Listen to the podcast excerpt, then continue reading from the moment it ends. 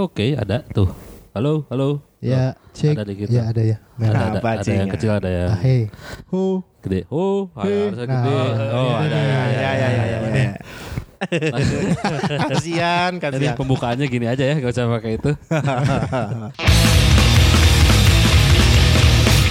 Halo, selamat datang di podcast Bingung. Yeay. Eh, saya bingung, kalian bingung, kita semua bingung di sini. Ah, rasain tuh. Kita di sini kita bakalan ngebahas sesuatu yang akan membuat kita Sebelumnya bingung. perkenalkan diri dulu lah, Man. Siapa nggak usah lah. Gak usah, oke. Kita bukan siapa-siapa. Saya Mano Saya Dinar. yang akan membuat kalian bingung dengan cerita-cerita bingung yang ada dan Iya. akan membuat semuanya bingung. Betul sekali. Oke, untuk uh, edisi pertama kita bakal ngebahas apa nih, Nar? Kita bakal meng- membahas eh, tentang manajer. Jadi apa itu manajer, kerjaannya ngapain, Ya. eh, gunanya apa, fungsinya apa. Sebenarnya uh, bukan hal yang seksi juga ya kita kita. Ya, bukan, bukan, bukan, manajer ya. Biasanya kan vokalis, gitaris, pencipta lagu, Ya. kalau enggak uh, Kita- tukang apa Hmm. gitu. Sebenarnya karena kita bingung. Ya, makanya Apa, apa fungsi manajer itu? Sebenarnya kalian tuh saya yakin kalian yang dengerin tuh bingung juga manajer tuh apa sih? Betul. Terus tuh gunanya tuh apa sih? Betul. Soalnya yang di depan panggung tuh pasti yang kelihatan bandnya, Betul. Padahal kan. ada man behind the gun ya sebenarnya ya. Enggak Degan sih. Man behind the stage. man behind the band. Man behind the camera. Oke langsung aja inilah ada salah satu narasumber Yes. eh, seorang manajer terkenal dari Bandung. Wih, dia Banyak. megang banyak juga sih. Banyak banyak semua jenis. Ada siapa aja nih sebut? Ada Rock and Roll Mafia, Ada Jamie Aditya Jimmy ya. Aditya gila loh itu eh, artis internasional. siapa yang nggak tahu? Siapa yang tahu Jimmy Aditya? Orang Kayaknya 90-an. generasi sekarang yang nggak tahu. Dulu pada tahu semua. Anak 90-an pasti tahu, Man. VJ Pasti tahu, pasti tahu. Terus ada collabs, Yes. collabs band apa ya? Tahu ya. Gak jelas. Itu ke mana lagi Ben? Terus sampai ada atlet juga atlet skateboard, Pevi Permana. Ada Pevi Permana di sini. dan juga ada artis yang sangat antik, Ucup Plukcup, Ya. juga dimanajerin juga. Ini dia ada Lucky Sarwo. Yeay. Halo, halo. Gimana Mas? Sehat Mas? Alhamdulillah. makasih Alhamdulillah udah- ya. Aduh, datang Gimana? sini. Ini kesibukan megang satu, dua, tiga, empat, lima, lima anjir Gede man. cuannya nih. Dia megang lima anjir. Aduh, amin. Kita ngurus diri sendiri aja kayaknya susah banget gitu. Harus punya Iya. pacar gitu ya. Belum keluarga ngurusinnya. Wah, berat. Ditambah lagi lima orang. Berat. Satu band aja kalau mafia ada lima. Ada lima, belum krunya. Belum krunya. Tim produksi ya pokoknya belum. Ah, Dokumentasi belum. Wah anjing. Ini lima eh, talent. Satu, dua, tiga, empat, lima ya. Iya, lima kan, benar Namanya kan? apa sih mas? Ada LSM beberapa. bukan? Ya. LSM bukan? Bukan. Lukis Sarwa Management. bukan ya? Iya. Kok belum ada nama sih udah lima Gimana ya? sih? Nggak tahu sih awalnya sebetulnya teh nggak kepikiran juga mau memanage eh, berbagai macam ya artis atau Hmm. band atau solois atau atlet atau apa pun. Tapi teh eh, ini terjadi secara organik aja sebetulnya Hmm, mah. Eh, sebetulnya awalnya tuh eh dari Jamie Aditya malah. Oh, pertama Jamie eh, Yang pertama pertama. Jamie Aditya. Jadi sebetulnya kita teh eh, udah kenal lama pada saat zaman-zaman MTV dulu. Wah, berarti ketahuan man umurnya man. berapa ya? Iya, Masih ada MTV, masih ada Jimmy Yang Aditya dengar gitu. pasti kebayang. Orang terakhirnya VJ Daniel ya. Oh iya, oh iya benar. Aditya.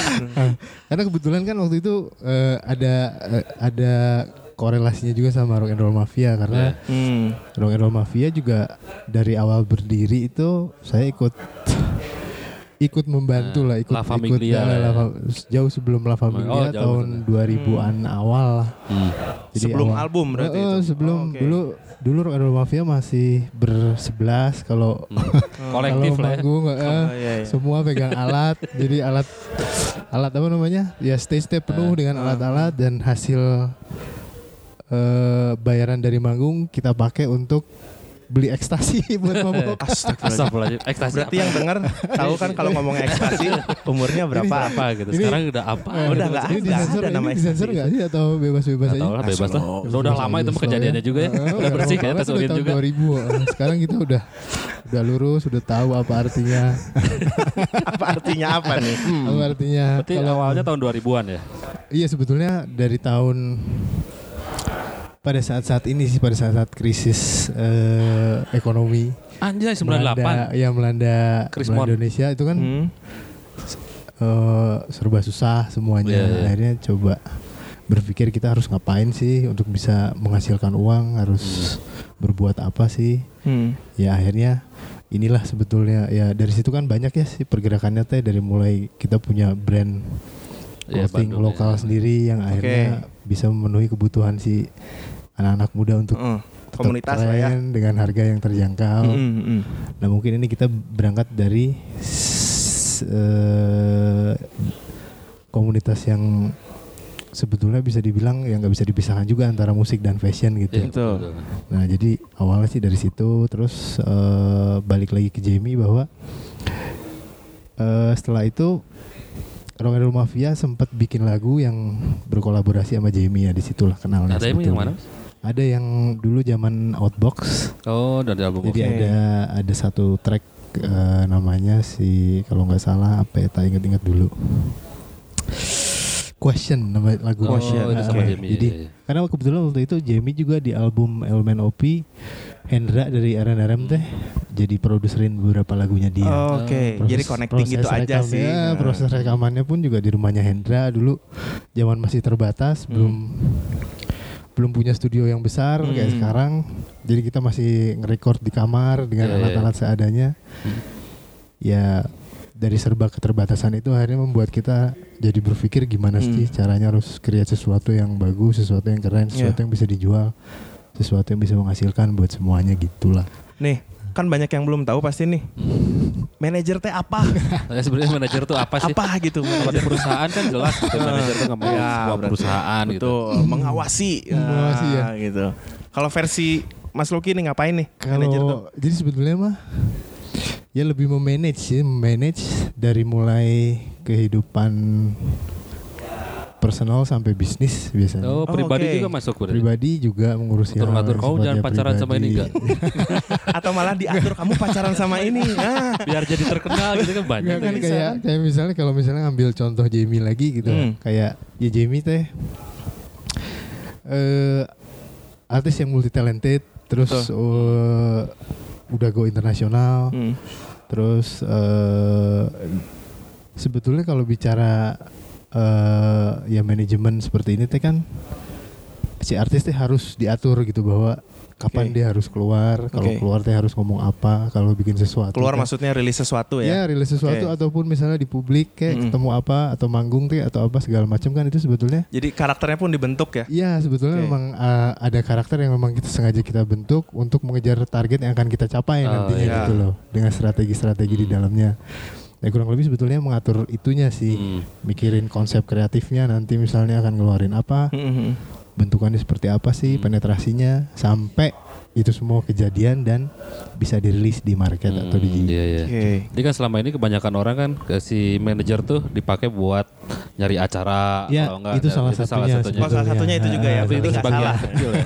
Kita mikirnya cuma nyari acara doang. Jadi sebetulnya teh enak nggak enak juga jadi manajer karena tolak ukur eh, keberhasilan sebuah artis atau band teh memang tidak lepas dari peranan si manajer tersebut gitu. Oke. Iya, iya, iya. Karena sebetulnya si artis atau si band ini ya mereka dituntut untuk harus fokus aja untuk terus mengeluarkan karya tanpa harus diganggu oleh hal-hal yang sifatnya ya teknis gitu loh maupun Hmm. Non teknis. Ya. Tapi itu ada konsultasinya juga misalnya eh, untuk proses kreatif sendiri si manajer itu ikut Nah. ke dalamnya nggak sih? Kalau saya sih ikut. Oh ikut. Eh, karena Tergantung dari talentnya juga kali ya? ya rata-rata karena memang sebelum misalnya ada sebu- seseorang atau sebuah band atau apa pun itulah yang memang minta eh, saya untuk memperbantukan eh ya istilahnya bisa apa ya untuk untuk memanage nge-manajerin dia Hmm, hmm. saya pasti akan bicara dulu jadi saya nggak nggak nggak mau asal-asal saya nih harus yang gue tahu handle dulu. apa aja nih? Eh, eh, jadi misalnya saya saya dulu lah. Mempelajari dulu misalnya karakteristik ini teh apa, gimana Hmm. cara ngejualnya, terus apa yang unik, apa yang kurang. Nah, Oke. dari situ misalnya setelah dapet chemistry-nya baru Oh. karena iya, kalau iya. nggak dapet chemistry susah. Susah ya? Betul. misalnya susah. Apalagi kalau dia bukan teman ya. Nah, ya, ya, ya. jadi susah marahin atau Ya, ya. Benar, benar, benar, eh, benar, karena benar. teh semuanya harus di ini kan di diatur Ya, diatur, sedemikian rupa Jadi sebe- sebenarnya si manajer itu penting juga sebenarnya perannya ya. penting penting banget sih Penting kalau banget menurut ya. eh, Soalnya artis juga akan bisa maju kalau ada Eh, banyak. tapi betul. sering kali gini memang udah hukumnya kali ya kalau bandnya maju Hmm. manajernya ya pasti nggak akan kelihatan gitu Oke. tapi kalau Oh, manajer iya. eh, kalau bandnya jelek atau bandnya nggak laku bermasalah pasti manajernya yang kelihatan paling depan gitu Oh. Oke. pasti terbalik Kalau di sini kan kasusnya nggak mas apa itu? Nah, eh, oh enggak kita kan awam. Kita, kan awam. Eh, awam ya enggak lah ya maksudnya Sia terpayu tuh manajer. ya cara mainnya gitu lah Oh. Tapi memang kalau ngelihat eh, kasus saya pribadi sih, memang dari semua artis atau ya talent atau atlet atau apa pun itu yang saya have- handle, Hmm. memang semuanya teh mempunyai eh apa? mempunyai ciri khasnya masing-masing gitu Ya. beda tipikalnya beda juga treatmentnya gitu loh Ya. kayak misalnya beda genre Iya. beda juga penetrasinya untuk ke, ke market Cara- Perbedaan antara rock and roll mafia sama Flux Cup gimana tuh? Nah, itu kayak Itu kan musik sama seniman. Itu kan musik sama seniman ya. Jadi kita mesti tahu gitu bahwa eh, oke eh, Rock and Roll Mafia teh band apa sih band Hmm. elektronik terus influence-nya ke mana sih terus target mana yang mau kita ju mau kita mau kita capai Iya. itulah yang, yang tadi eh, saya bilang bahwa ya itu saya akan berpikir keras gimana caranya untuk bisa mengangkat Rock and Roll Mafia ini dikenal lebih banyak orang, mengeluarkan karya-karya yang baik yang bisa dipertanggungjawabkan sampai akhirnya ya mereka bisa eh dapat job manggung, Iya. bisa berkolaborasi dengan brand apa pun yang Hmm. sebetulnya menaikkan value si artis Artisnya ini sendiri. sendiri, Iya. ya, gitu loh. Jadi memang nggak bisa asal-asalan juga, mesti tahu bener Iya. Baik itu artis yang dipegang maupun target yang akan dikejar. Iya. benar. Gak enak sih sebetulnya mas. Terus kenapa sih jadi manajer? Ini lucu sih karena kan kalau orang tuh Apalagi di eh, Bandung gitu. Apalagi di Bandung, semua orang semua orang kayaknya eh, bisa dibilang produsen lah. Ya nggak sih? Semua pengen jadi pemain band Iya. gitu. Tempatnya tapi nggak ada. Heeh. Nah, nah, jadi kenapa pengen jadi manajer Aneh gitu? gitu. Aneh. Nggak aneh sih. Nggak aneh. Ya, kenapa kenapa kenapa? Hmm. Jadi sebetulnya gini sih, sebetulnya karena mungkin dulu teh, ya itu tadi balik lagi kayak ke zaman Krismon 97, 98 teh. Karena kita semua serba sulit teh. Akhirnya menuntut saya pribadi untuk selalu berpikir gitu gimana untuk bisa mengcreate sesuatu nggak cuman misalnya ide tok tapi sampai ke eksekusi sampai Iya. ke jadi sebuah Iya. eh, sesuatu itu Iya. gitu loh Jadi karya gitu jadi ya. karya lah apa pun itu bentuknya lalu eh itu tuh terbawa terus kan gitu karena serba keterbatasan itu membuat kita akhirnya terus gimana caranya berpikir harus survive gitu loh Hmm. nah lalu kalau ditarik lagi kenapa harus menjadi pengen menjadi manajer karena ya saya tuh sangat-sangat suka untuk eh, membuat sesuatu yang baru terus menerus gitu iya. membuat Atau emang karya seneng yang- yang ngatur orang? Iya kan bisa. Udah aja jadi manajer Eh, nih. enggak jadi sebetulnya nggak enak juga kan jadi karena memang sebetulnya teh kalau eh, kalau ngaturnya nggak bener Hmm. berarti dari atas ke Iya, dari atasnya nggak benar, ke bawahnya, iya, lutut, iya. pasti Ya, akan hulu ke hilir ya. gitu hulu ke hilir jadi Hmm. terus tanggung jawabnya berat juga gitu Betul, tapi ya ya karena suka ini ya akan ini sih Suka ngatur segala- orang man udah ini mah. segala tantangan aja suka akan tantangan gitu kesulitan Nah kesulitannya itu apa aja sih? Mas? Nah, ngomongin Kebetulan banyak banget mas kayak misalnya contoh gini ya eh, bisa dibilang semua artis yang eh, atau band yang saya handle teh semua targetnya adalah segmented gitu loh Oke. Oh iya iya. Nah, nah, terus eh, nggak ada yang yang konsepnya teh aman gitu loh yang maksudnya menjual banget lah ya. yang mainstream, gitu Mainstream, yang ya, ya. Ya, ya. yang Nggak global nggak gitu ya. global gitu Hmm. loh. Terus orang mana tahu gitu eh, Jamie misalnya Oke. bisa eh, mainin lagu jazz misalnya kemarin Wah itu gila sih itu. atau blues gitu loh. Hmm.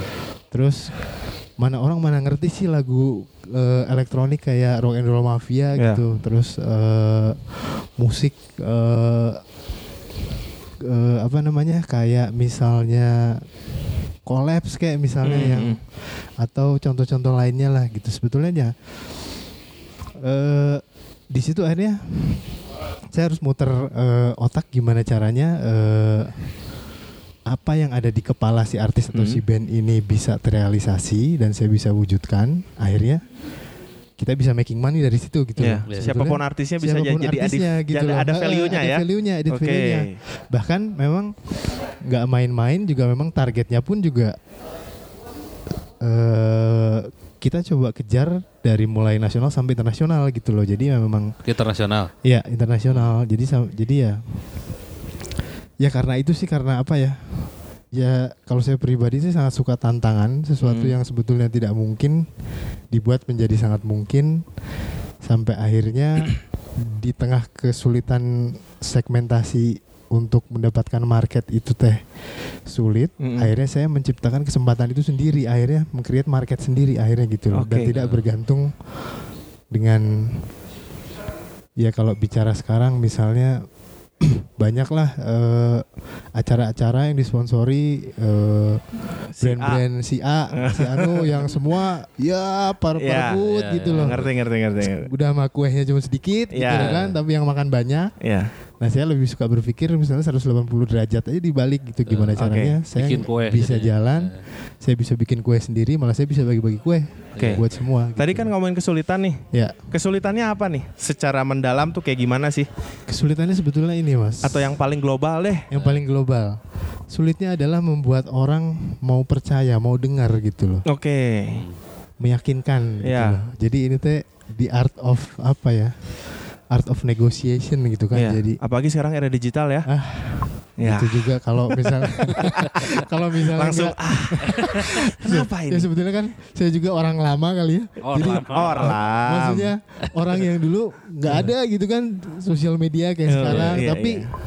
mau nggak mau karena semua si zaman udah bergeser terus kalau kita nggak coba untuk mengikuti beradaptasi ya kita nggak beradaptasi malah kita hmm. malah kegulung ombak yang yeah. sangat deras okay. jadi memang ya mau nggak mau kita kayak main surfing aja lah Iya, iya. Kita mainin ombaknya, kita ikutin ke mana sih ini larinya gitu. Tapi kalau dari artisnya sendiri ada kesulitan gak sih mas? Maksudnya untuk meyakinkan si artisnya itu? Nah iya. Misalnya, Karena pagi macam-macam nih sampai ada hmm. seniman, ada skateboarder iya, gitu, iya, atlet beda -beda gitu. Nah itu aneh. Treatmentnya beda-beda, tapi iya. intinya sih kita satu sama lain harus saling percaya dulu gitu bahwa uh, apa yang kita akan lakukan ini benar.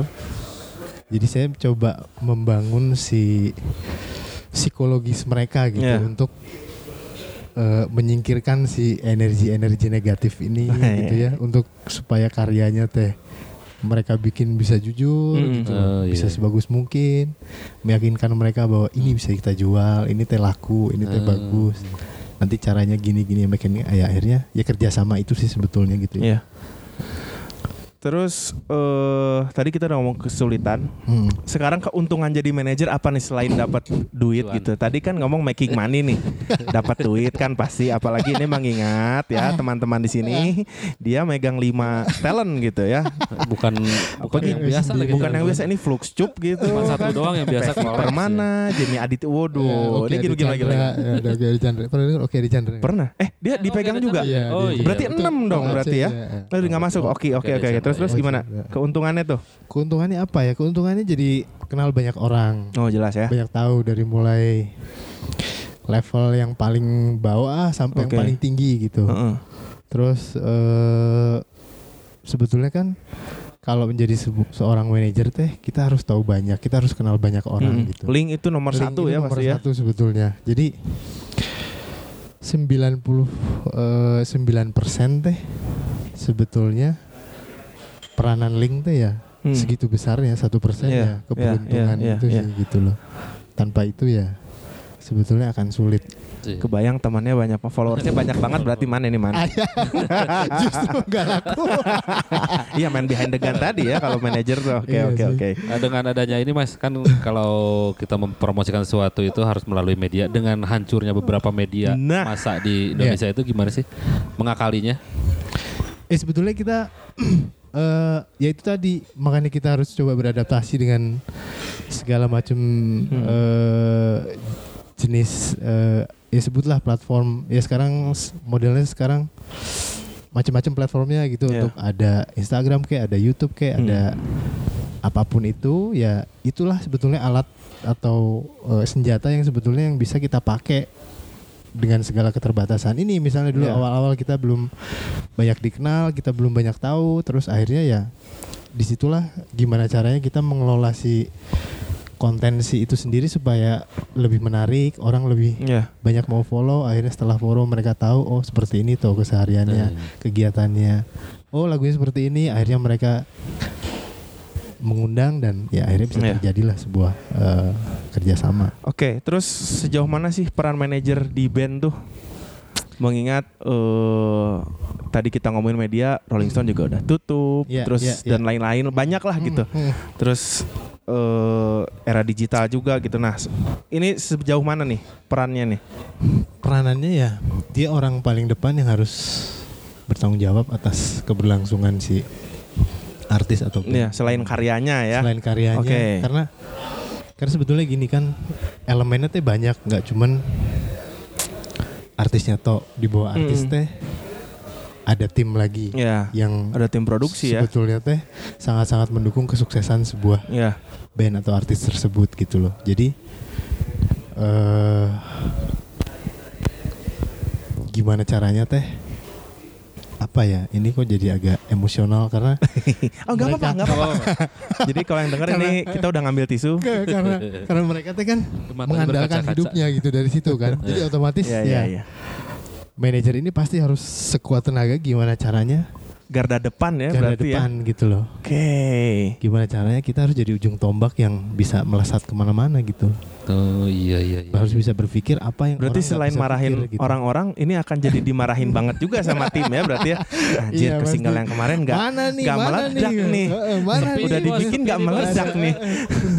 ya kayak penentuan itu kan misalnya kita harus keluarin single kapan nih siapa yang mau kita ajak Ya. gitu loh Iya. itu semua tuh harus dirancang matang-matang Kebayang gitu sih. Oke oke. sampai oke. sebetulnya karena dari serba kesulitan ini teh sebetulnya akhirnya saya berpikir untuk sebetulnya nggak cuma menghandle ini mas jadi Hmm. saya tuh sering eh, punya satu perusahaan yang bikin aktivasi create konsep buat event Oke. gitu nah Di akhirnya Bandung juga itu. di Bandung dan Jakarta Oh, sekarang ya udah udah bisa ke muter-muter Hmm. jadi jalannya adalah saya coba create satu konsep yang bisa ditawarkan ke sebuah brand besar Hmm. misalnya yang akhirnya semua artis-artis yang saya handle ini bisa di Oh ngebuka link Oh, lagi. oke. ya. jadi Jago, caranya akhirnya sampai segitunya gitu saya Eh, coba Kalau bikin jagoan lagi tuh gimana betul. jam terbang dan umur biasanya. Iya, benar. Selain jam terbang ya umur berarti man. Kita belum sejago dia, umurnya masih masih di bawah dia. Bisa dimasuk Bisa, semuanya. bisa dimasuk. Oh iya juga bisa dimasuk ya. COD bukan cuan order ya. Ya, betul. Heeh. ya apalagi kayak bicara si apa namanya market nasional sama internasional treatmentnya beda-beda ya. Iya, ya. Sebetulnya ya banyak lah, banyak banget ininya variabelnya yang. Iya. Ya sebetulnya juga terus terang saya juga nggak nggak ada keahlian khusus atau ilmu yang besar. Jadi semua Mhm. ini sih berjalan secara organik sebetulnya. Karena Terus kayaknya nggak ada juga sekolahnya ya. nggak ada ada. juga ya. Nggak ada ya Iya, sekolahnya ya? Sekolahnya Eh ada. Ada tapi di luar negeri menurut saya. Oh, di- tempat saya ada yang di Australia sekolah manajerial. Oh, manajerial ya? Oke, namanya School of Manager. oh bukan, SOM. bukan ya? Oh bukan, bukan. Oke, oke, oke. Unman Universitas Manager. IM Institute Manager. Kayaknya kita jeda dulu aja ya biar keren ya kayak orang. Yes. Kita break dulu sebentar ada iklan, ada tik langsung masuk lagi ya. Mas Oke. ke pertamanya kan lebih ke Jamie sama Rock'n'Roll Mafia nih. Hmm. Kenapa tiba-tiba ada Pevi Permana atau Nah. sama Fluxup itu kan sangat beda gitu. Eh, Nah, Dunianya jadi- aja pun beda gitu. Eh, Gimana sih? bukan musik lagi ya. bukan musik ya. Jadi sebetulnya kan eh, ya setelah sekian lama akhirnya kenal banyak orang, kenal banyak brand, kenal banyak kenal banyak ini itulah gitu. Eh, ya itu tadi eh, saya selalu suka akan hal-hal baru, suka akan tantangan-tantangan baru yang sebetulnya juga eh, bisa dapat pelajaran lebih banyak lagi dari situ akhirnya mulailah datang kayak eh, Pevi dan Flux eh, Fluxtube yang sebetulnya mereka pengen juga eh, bekerja sama ayo dan Hmm. Dan kebetulan memang juga karena sudah mulai mengerti Hmm. sudah mulai banyak tahu ya sekalian aja di handle toh sebetulnya kan ini kan template ya untuk mengatur ini teh jadi Sekira-kiranya tuh akan sama ya. Eh, Oke. sebenarnya yang membedakan kan sebetulnya hanya treatmentnya aja misalnya kalau artis eh, musik atau band ya berarti ya udah jelas gitu template-nya kayak Hmm. apa kalau misalnya kayak Pevi ya itu Apa tuh yang diurus tuh? sebetulnya lebih Kalau ke sama kayak misalnya dari mulai jadwalnya Eh, kan kebetulan sekarang sedang mempersiapkan buat SEA Games di Manila Oh, iya, nanti iya. tanggal Oh, eh, bulan tahun tahun Desember, ini. bulan Desember ya. Oke, Jadi terus kemarin ya alhamdulillah eh, dia menang Asian Games. uh, Terus sekarang Dapat nggak Mas Suan? kemarin dapet. ya masa nggak dapat? ya masa nggak dapat? Kok pertanyaannya gitu? Sampai mabok ya?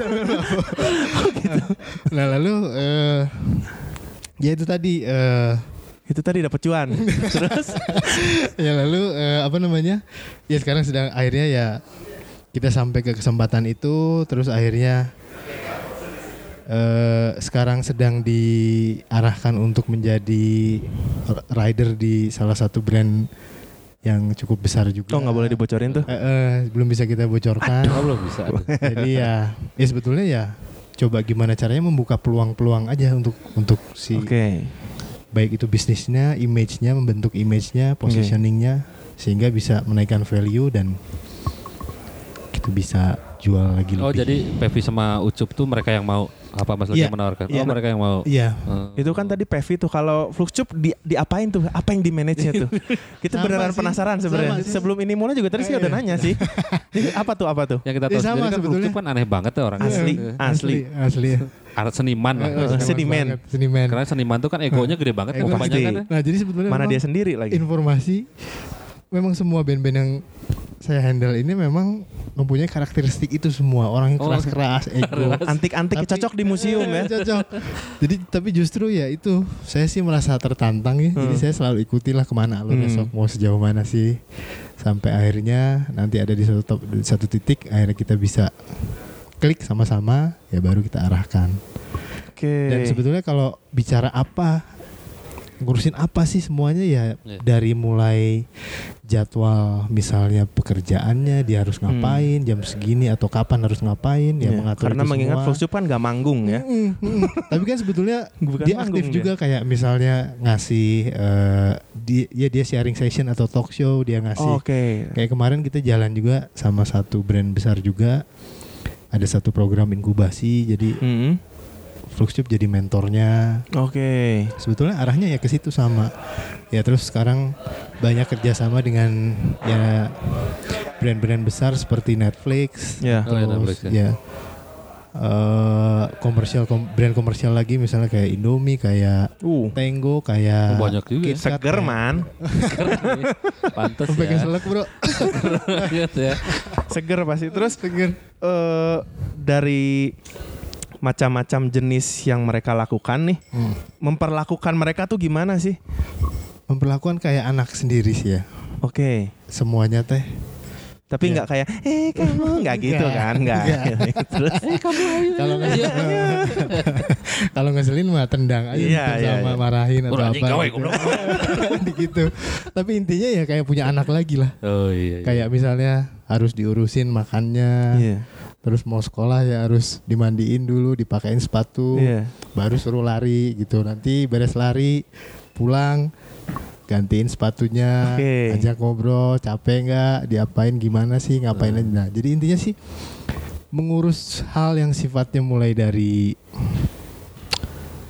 eh sesuatu yang sifatnya teknis sampai ke yang sifatnya kayak psikologisnya mereka gitu. Loh Sampai psikologis juga. sampai dia. psikologisnya karena kan sebetulnya untuk bisa membuat sebuah karya yang bagus teh berarti mood si artis ini teh harus bagus gitu. Iya. Nah itu tuh dibangun sedemikian rupa untuk Oke. Ini Jadi kebayang sih grup WhatsAppnya kayak gimana? itu nggak ya, kebayang sih. Banyak masih grup Ay. WhatsApp ini. dia Kebayang. aku mah sebetulnya tak. Es. Tapi teh ya itu ya akhirnya kan di situ teh timbul rasa saling percaya, saling nguatin, saling sayang dan yang bisa menguatkan selama ini ya Iya. energi-energi dari situ semua gitu yang karena saling percaya saling ya ya alhamdulillah bisa ke mana-mana akhirnya bisa dan bisa keluar negeri lah bisa ke Iya. mana bisa punya Sempat kesempatan ke Jepang apa. kan sama ya, Mafia ya kemarin ya? terus ke Kemarin kemarin sih ke Belanda ya, eh ke Jerman. ya kemarin ke Jerman ke Belanda Tapi itu Itu project dari manajer Ya, bukan? iya juga Oh, iya? sama. Eh, Itu sama siapa tuh? Jadi sebetulnya ada satu brand apa ya eh, bisa dibilang kayak basicnya kan kita tuh desain mas sebetulnya gitu loh. Oke. Saya kuliahnya juga dulu desain. Oh, kuliah terus- desain. Eh, eh. Kuliah desain terus kita bik, eh, ada sebuah brand namanya Mohoy jadi Hmm. eh,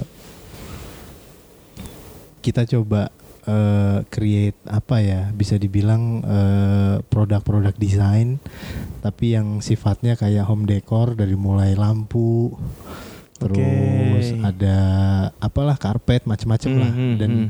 kita mengkhususkan itu menggunakan material bambu jadi semua bahannya dari bambu tapi kita twist dengan cara yang lebih modern misalnya si bambu itu teh untuk nyalain teh nggak usah pakai switch lagi tapi Iya. cukup di swipe kita kita Oh. atau cukup ditepuk Di swipe gimana maksudnya? nyala di swipe teh kayak disentuh gini aja mas kayak nge-swipe HP Heeh. Itu tuh bambu yang di swipe nyala eh, eh, lampunya Oh, oke. Oh. Mah nggak ngerti nih. Nggak ngerti ya? ya bingung. bingung. Itu di luar ini ya, di luar manajemen artis berarti itu Maya. Iya, tapi sebetulnya di di Mohoy pun juga eh saya sendiri ya yang ngelit dan memanage semuanya gitu. Hmm. Ini harus berangkat ke mana, ini harus ngapain, ini harus sampai akhirnya ya. Alhamdulillah kemarin kita semua punya kesempatan untuk pameran di Jerman sama Amsterdam. Gitu. Kota. Jadi ya sebetulnya ya, ya awalnya ya gitu sih. Jadi bergeraknya jadi ke mana-mana karena Iya. eh, Ya, organik tadi ya. organik tadi hal yang disuka sampai akhirnya ya bisa menciptakan kesempatan ke mana-mana karena terus terang kayak misalnya eh, kita kemarin punya kesempatan ke luar negeri itu pun juga saya pribadi sambil menjual semua yang saya punya gitu Oh, oke. oh, iya, saya nggak iya, cuma iya. punya ini loh tapi saya teh Bisa punya band lagi. Eh, eh, Mana? jadi sebetulnya Ya itu kan tadi jam terbang dan umur man. Aduh sorry nih.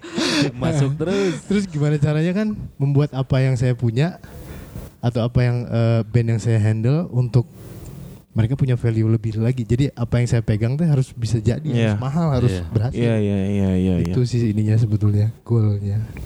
Nih Mas, tadi kebanyakan kan yang berawal dari pertemanan nih Mas. Hmm, Nah, gimana cara ngebedakin pertemanan sama bisnis tuh Mas? Itu hal yang susah. tuh. itu susah Iya. banget ya. Terus Iya. kan Rocker Mafia kayaknya teman lama semua Teman ya. lama. Iya, semua ya ya. itu mah udah seperti keluarga ya, semuanya semuanya Hmm, teh. hmm, hmm. Baik itu Rock and Roll Mafia kayak Jamie kayak atau Flux Cup kayak.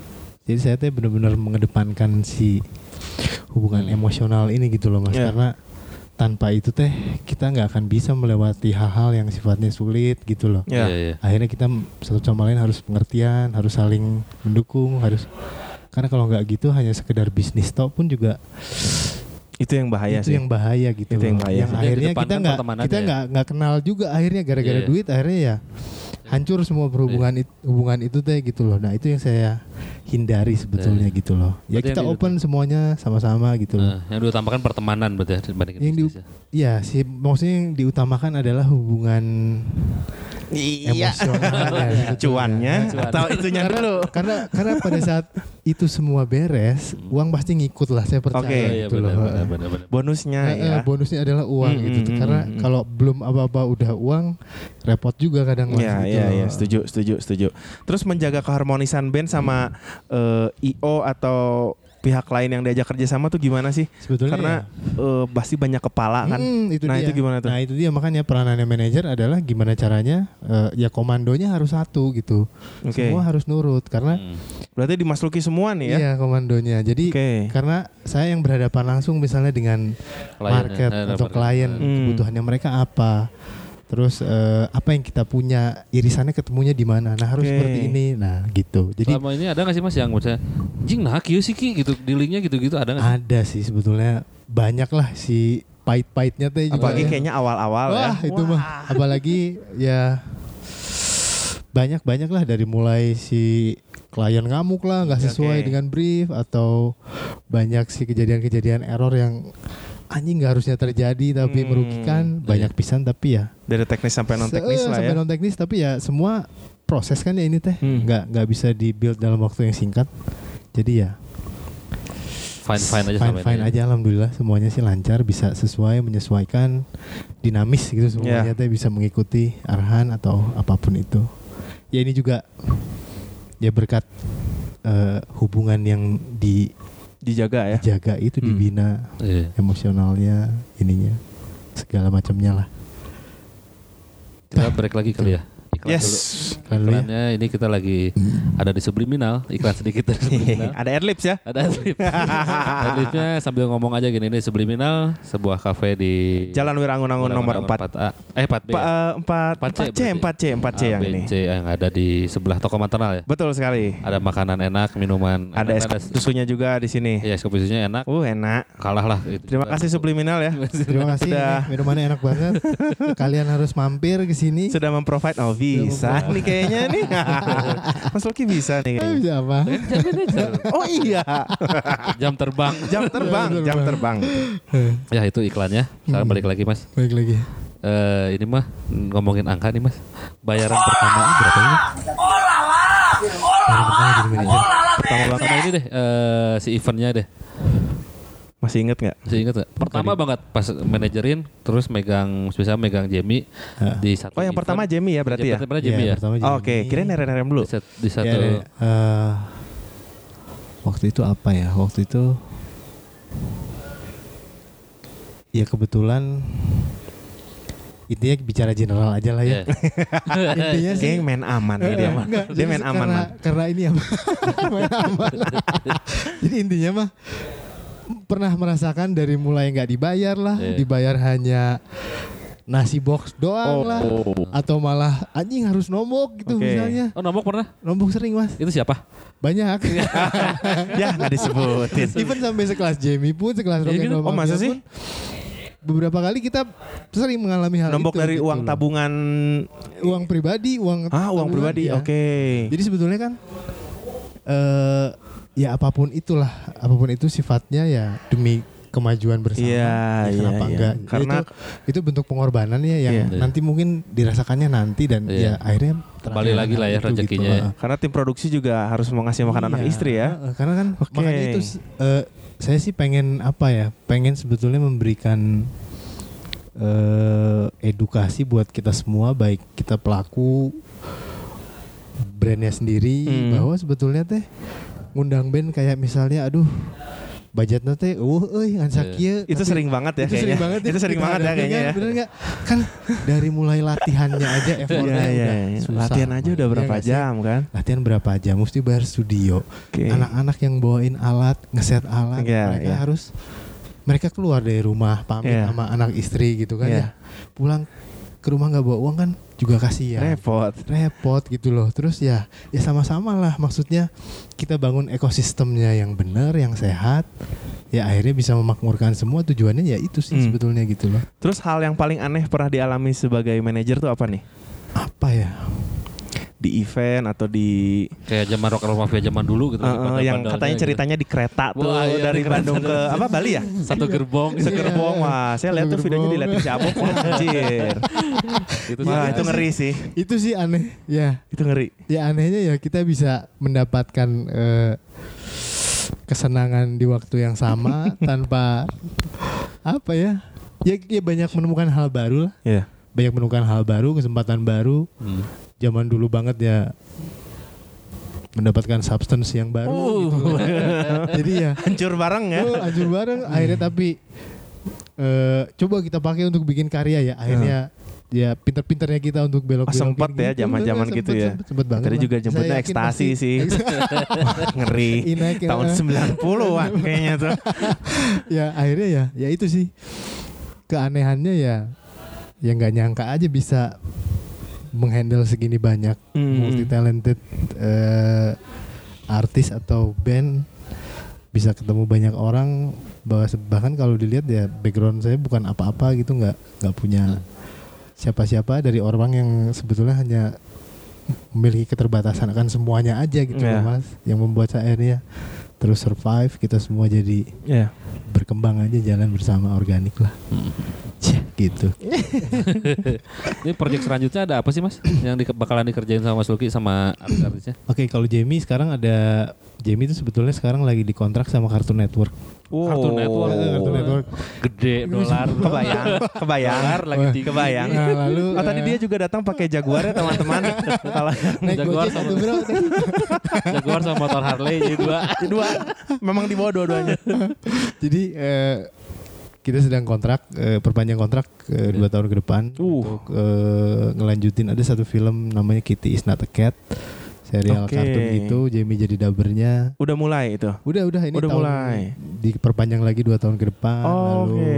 sebelumnya juga baru beres syuting sama HBO Asia keluar Kayaknya film. kalau Jamie Terus- internasional semua deh. internasional eh, jadi Dia memang udah nggak main di Nah, sini kayaknya. enggak juga sebetulnya karena memang ya balik lagi itu ngelihat bahwa si kemampuan artis ini teh larinya mau Oke. ke mana, market mana yang mau kita Iya, tuju iya, gitu. Karena iya. sebetulnya agak sulit juga misalnya menjual Jamie Aditya di Indonesia untuk di beberapa Hmm. segmen karena memang Ketuaan kali. enggak eh, kultur orang-orang sini belum Oh iya, belum beda ya, bisa beda. eh, belum bisa Oke. melihat Belum bisa si eh, value-nya Jamie teh Oke. bisa se- se- setinggi itu, sebagus itu, senaik itu gitu loh. Hmm. Sama juga halnya dengan rock and roll mafia misalnya, nggak bisa juga dijual sembarangan ke acara-acara atau eh, market-market yang sebetulnya nggak nggak masuk dengan segmentasinya gitu. Iya. Maupun misalnya mau ngedepankan uangnya misalnya gede banget, tapi ya kalau itu nggak sesuai, nggak kita ambil juga karena akan mempengaruhi positioningnya nanti gitu. Iya. Berarti sekarang yang paling menghasilkan tuh Jamie. Semuanya menghasilkan. Kayak yang paling paling Enggak, ada. kayak tadi kok tarik nafas semuanya menghasilkan. Nah, semuanya, dari semuanya. enam dari enam yang paling paling Yang gede. paling deh. semuanya sama kok. Enggak, Semua- Nggak ada. mungkin. Oleh saya jarang main. Loh, itu kalau jarang main kan Enggak, Dik. Dik, karena, sorry, Dik. karena Dik, sorry, Dik. memutuskan untuk ini kan Iya. untuk oh dia kenapa sih emang sih? kayak lagi ada beberapa project yang mesti dia selesai. Oke, oke, Jadi oke. Ya cukup krusial juga akhirnya. Oke. Ya, ya udah dia Karena dia belum mulai lagi ya. Mm, belum belum sebetulnya ya tawaran banyak kesempatan Mhm. banyak tapi dia memutuskan untuk Tawarannya banyak. banyak banyak mas Gak percaya. percaya banyak banyak Orangnya kayak gitu kita hampir tiap hari ketemu soalnya nih. tak banyak yang- tolakin Iya. semua Oh, Karena oke, oke, oke. siap. Kufur nikmat. Kufur Nikmat nikmat. ya. Tadi kan menyinggung eh, kalau untuk Jamie Aditya eh, belum siap dan lain-lain nih. Pandangan Mas Luki terhadap regenerasi musik di kalau di Indonesia mungkin kegedean ya atau di Bandung deh. ya Gimana nih perihal regenerasi musik aja deh So, kita. Mas Luki kan orang lama nih. betul. Lihatnya gimana sih betul. Enggak sebetulnya kan ini ya eh, makin ke sini teh kan semua semua makin serba cepat. Betul. Baik si apa contoh lah misalnya kita punya banyak banget platform musik digital Iya, gitu yang iya. setiap setiap apa ya setiap hari setiap setiap jam setiap menit Hmm. setiap detik selalu keluar sesuatu yang baru gitu loh yang akhirnya juga sampai kita pusing sendiri ini mau Iya. dengerin lagu apa sih terus Betul, terusan iya betul. sih ngerasain kan Ngerasain. Nah. 2019 emang banyak album bagus banyak juga sih. banget album bagus terus eh, aduh harus gimana ya sebanyak mungkin nah akhirnya yang eh tadi pertanyaan apa ya Pandangan terhadap regenerasi. Kan regenerasi Iya. nah akhirnya apakah sukses atau enggak regenerasi Nah, iya deh. Bandung itu? enggak dibilang Enggak, nah, kenapa? karena Di, ya, eh, sorry, ngom, bisa ngomong enggak karena dibandingkan apa nih? jadi gini dibandingkan eh, tahun sekian atau dibandingkan, dibandingkan tahun dulu yang memang Oke. eh, kayaknya sekarang cenderung lebih semua asik dengan sendiri-sendiri semua apa? asik Oke. dengan Iya. dengan mereka harus survive ya mungkin ya karena makin ke sini pasti makin sulit Hmm, makin banyak hmm. kebutuhan semua yang harus dipenuhi akhirnya kita semua bergerak sendiri-sendiri nah itu yang Nggak guyup ya? nggak guyup gitu loh kalau Bandung sih Hmm, beda hmm. nggak apa-apa ambil contoh yang memang benar-benar terjadi nggak Iya. beda lah dengan Jakarta kita ketinggalan sangat jauh gitu bahwa Oh, ya? sebetulnya kalau bisa dibilang dulu Jakarta juga berkiblat kiblatnya sama ke Iya, ke Bandung Bandung. gitu Iya. loh nah justru sebetulnya eh, dua tahun terakhir ini emang eh, saya pribadi sih lagi fokus untuk gimana caranya bisa mengguyupkan kembali gitu Oke. loh. untuk mengcreate sebuah acara terus sebuah platform yang bisa kita pakai Hmm. untuk sama-sama mem- membereskan si prahara inilah Iya. gitu Apa Supaya- kita memang harus pindah ke Jakarta? Masih masih enggak masih ini enggak? Maksudnya masih relevan enggak bahwa Kalau ke- bikin kalau- sesuatu tuh harus di kalau Jakarta? bicara bisnis memang eh, Oke. Hollywoodnya ya di Jakarta gitu. Karena dari populasi aja Karena udah dari kalah ya. Kalah. Tapi kalau Mm-mm. bicara tren ya Bandung teh New Yorknya gitu loh. Oke. Jadi Oke. ya harus terus Oke. harus Iya, terus iya, iya. dijaga Iya. yang yang orang pasti akan melihat yang orang pasti akan banyak ngambil Hmm. ilmu, ngambil eh, influence, ngambil apa pun yang kiblatnya dari Bandung. Jadi ya ayolah sama-sama sekarang kita menguatkan eh, Iya, Bikin tembok besar ya. bikin tembok besar untuk ya sama-sama ayo maju sama-sama bareng sama-sama baik dari segala macam genre musik apa pun itu membuat semua si ekosistemnya kembali Iya. hidup lagi sehat lagi gitu kasihan banyak-banyak band baru tapi mereka nggak punya kesempatan untuk Iya. main Iya. Nggak pernah eh, kesempatan punya karyanya didengar Nah, Iya. kayak maternal ini salah satunya yang bikin saya sangat-sangat salut gitu karena siapa lagi kalau bukan kalian gitu Iya. yang Iya. Untuk di era sekarang Untuk sih saya mengakui sekarang, itu iya sih. memang maternal sih. maternal ya kan Iya. Di, Nah, di nah kita era teh, sekarang. kita teh kehilangan itu gitu loh Ya, Mas. oke. ya nggak sih yang Iya, iya. akhirnya semoga bisa terus menginspirasi akhirnya Iya. tercipta lagi si eh, platform-platform baru ini atau apa pun itu namanya Iya. yang bisa sama-sama menguatkan ya kita Hmm. jalan sama bersama Iya. gitu akhirnya Nah ini menurut Mas Luki sebagai satu kota yang menjadi kiblat New Yorknya gitu, Bandung tuh perlu nggak sih bikin festival Nah, yang terus bisa terang gini sih, eh, Bandung banget? Karena eh Jakarta kan Karena kita sendiri festival di sini kan kadang kita iya. sendiri, Nah, kita sendiri, nah, kita sendiri gitu. sebetulnya gini eh, saya sedang mempersiapkan sih sebetulnya Uh. buat eh, City Festival namanya di Bandung Oke. terus eh, Rencananya mudah-mudahan kalau nggak ada halangan pertengahan tahun besok 2020 Oke. sudah bisa terrealisasi nggak cuma satu genre aja yang diangkat tapi kita akan angkat semua genre yang bisa main di sini khususnya band-band Bandung sendiri juga yang harapannya bisa kasih angin segar ya buat segala macam yang terjadi sekarang meskipun sebetulnya kita kekurangan venue juga kalau Iya. misalnya Baru dilihat. aja mau nanya Eh, nih. nggak sih tapi Pemasaran klasik di tapi Bandung. sekarang tapi itu bukan jadi halangan juga karena Harusnya kita bisa pakai Harusnya sih enggak. Eh, karena kita bisa pakai public space atau tempat-tempat yang sebetulnya nggak common tapi bisa Iya. kita set Iya. jadi sebuah venue yang sangat menarik yang akhirnya orang dapat experience lagi lebih eh, seru lagi lebih banyak lagi sebetulnya nggak ada kata berhenti sih buat kita ya jadi Iya. untuk harus terus berinovasi ber show nomor sih ya. ya show nomor sih karena ya memang Slayer. semua harus semua harus jalan, semua Yeah. harus hidup, semua harus uh, survive. Jadi ya semua harus bisa bekerja sama harapannya sih ke depannya. Rencananya 2020 itu. 2020 ya. Pertengahan 2020 Masih digodok ya? Tapi Masih sebetulnya uh, kita akan bikin satellite eventnya juga untuk menuju ke situ. Hmm. Oke. Di Insya Allah mulai bulan depan ya kita. Itu ada dukungan pemerintah doanya. gitu nggak sih Mas? Nah. ada sama sekali. Sama sekali Sama nggak ada. sekali nggak Nggak ada. Nggak Tapi mau dukung- nyoba.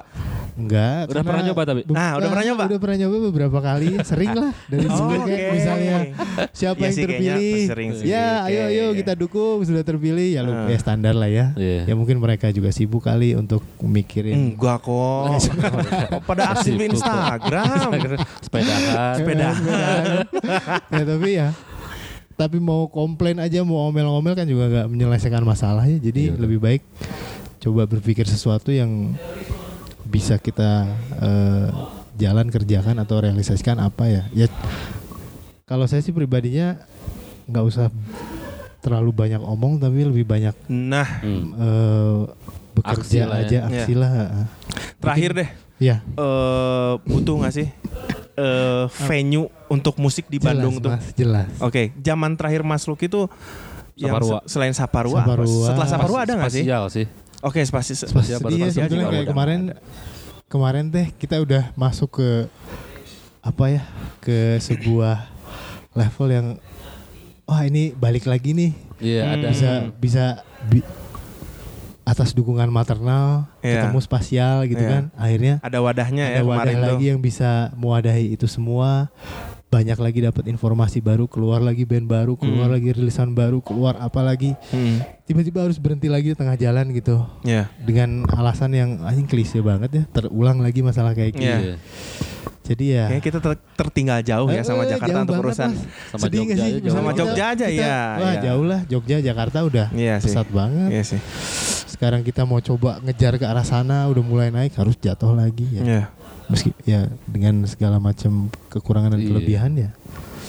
Kalau dibilang venue ya pasti perlu lah. Perlu ya. Perlu Nah. banget itu ya.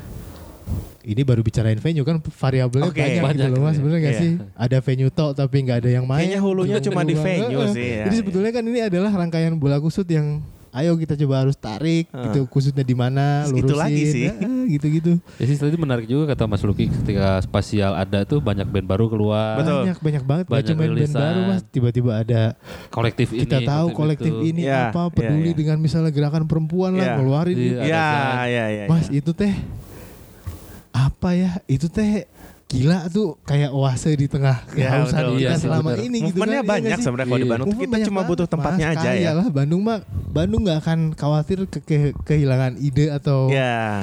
apa pun itu bentuknya gitu loh. Kalau mau diadu pun kita berani jamin bahwa kita Iya. nggak kita berani bersanding dengan eh, Kota sebelah. Singapura lah ya. kota sebelah maupun negara-negara besar iya lainnya sih, mas pasti. gitu loh. Iya, iya. Jadi nggak boleh main-main sama Bandung deh sebetulnya gitu loh. Iya. Tapi sebetulnya gimana mau main sama Bandung tapi kalau hal-hal yang sifatnya basic gini kita Iya. masih cuma tempat venue doang padahal eh, ya. saling ribut lah, Hmm, saling hmm, apa, tapi nggak pernah ada satu solusi yang konkret apa kayak gitu. Iya. Suka ngomongin di belakang. Nah ngomongin di belakang saya capek, capek. Gogon, gogon. itu kan Iya. Banyak kan? itu ngabisin apa ya energi gitu ya mas Iya. ya. Emang yang terbaru energi, apa sih? tahu. Terus gimana sih memandang ada katanya tuh dulu tulisan wawancaranya Marin di apa? Triple, bukan. Bukan bukan di frekuensi antara apa ya satu lagi ya? Frekuensi Jurnal, antara jurnal itu? ruang, jurnal ruang. Oh, oh, belum nonton, belum lihat yang belum. mengatakan kalau mentalitas IO tuh sangat banyak di Bandung gitu yang sehingga sehingga dapat men- menghambat perkembangan musik sendiri di Bandung gimana tuh Mas? Ya mungkin apa? ya, eh, saya pribadi juga terus terang belum baca Iya. itu detail, tapi sempat mendengar beberapa selentingan-selentingan. Dan kebetulan juga saya kenal Marin juga, sobat baik saya. Zaman dulu kita tinggal bareng di Setiabudi juga. Ya mungkin, ya mungkin itu satu perspektif dari Marin yang bisa jadi masukan juga buat kita semua kali. Ya mungkin pasti saya yakin di balik itu pasti ada niat baik. Iya. Jadi kalau bagi saya sendiri sih menanggapi eh apa ya ucapannya Marin sih kalau menurut saya ya ya Marin sah-sah saja bicara seperti Iya. itu. Hmm. Ya mungkin dia sudah sampai satu level yang akhirnya Jenuh juga jenuh kali. juga akhirnya coba ya karena itu tadi Mas ya ekosistem ini nggak sehat gitu Iya. loh. Iya. Ya kita ya kita harus kita harus benahi sama-sama Hmm, gitu hmm. nggak bisa cuman sendiri juga baik yang tua sekali sampai yang muda paling Ya. baru ya kita harus sama-sama guyup Ya. bareng gitu ya oke lah kalau bicaranya klise ya masalah uang siapa yang perlu uang semua perlu Semua uang perlu Betul. uang, ya. nggak bisa disalahkan juga tapi ada satu nilai di atas uang yang lebih penting juga sebetulnya Ya. gitu Nah, pada saat iya. kita bisa eh, mengacu ke situ uang pasti ngikut lah saya sih Ya. prinsipnya gitu ya dari dulu gitu loh ya ya adalah banyak kejadian yaitu yang membuat kita akhirnya belajar terus makin makin pinter makin Ya. ngulik lagi anjing bijak gini mas Enggak apa-apa. Oh nggak apa-apa, karena kita kebingungan. Kebingungan. Kita Kita kebingungan. Kita podcast bingung. Kita podcast bingung. Ya, karena terus terus terus terang ya. Ya banyak insya Allah mudah-mudahan semua lancar ya. Amin. Banyak sih sebetulnya program-program yang kita siapkan sekarang untuk ya harapannya bisa membuat si ekosistem ini Hidup sehat lagi ya, lah, hidup lagi. lagi. Toh siapa sih kalau bukan kita kita lagi mas yang mau membereskan hal kayak gini Iya. gitu. Semua banyak yang memutuskan hidupnya dari musik lah, dari hal Iya, yang betul. sifatnya kreatif. Sekarang gimana mereka mau bertahan hidup kalau sebetulnya kota yang kita diami ini masih punya banyak masalah seperti ini ya. Ya intinya sih ya ayolah sama-sama cari solusinya, sama-sama kita realisasikan sih ini tanpa harus banyak ngomong atau tanpa harus menjelek-jelekan satu sama lain nggak itu malah bikin Capek ya. ruwet Ya, eh, capek. duit nggak dapet iya malah Capek gontok-gontokan iya jadi ya mudah-mudahan itu nggak akan terjadi lagi Amin. Amin amin amin amin. Oke ada pertanyaan lagi? Apa lagi mas Eh, sekiranya segitu aja. oke Eh, terima kasih Mas Luki Sarwo sudah ya, mudah-mudahan ini ya eh, Ya, oh ya ada ada pesan-pesan terakhir nggak? Apa ya? Nah, ini biasanya yang paling ininya nih, pamungkas. Pesan-pesan apa ya? Bambang. Enggak sih, paling ya ini sih. eh, Ah, ya. pesan-pesan untuk orang yang Coba, eh, mencoba untuk jadi eh, manajer mungkin karena mengingat semua orang Bandung tuh produsen. Iya, iya. Jadi iya. pengen- Nah, pengen semua terkenal eh, semua. eh, pengen Iya, terkenal iya. semua. Hmm. Karena eh, super talented ya kalau orang Bandung tuh Iya, iya, gitu benar. makanya semua pengen Palu main gada. band. Palu gada, apa Kalau lu mau gua ada. Ah, ya sama kayak kita-kita inilah.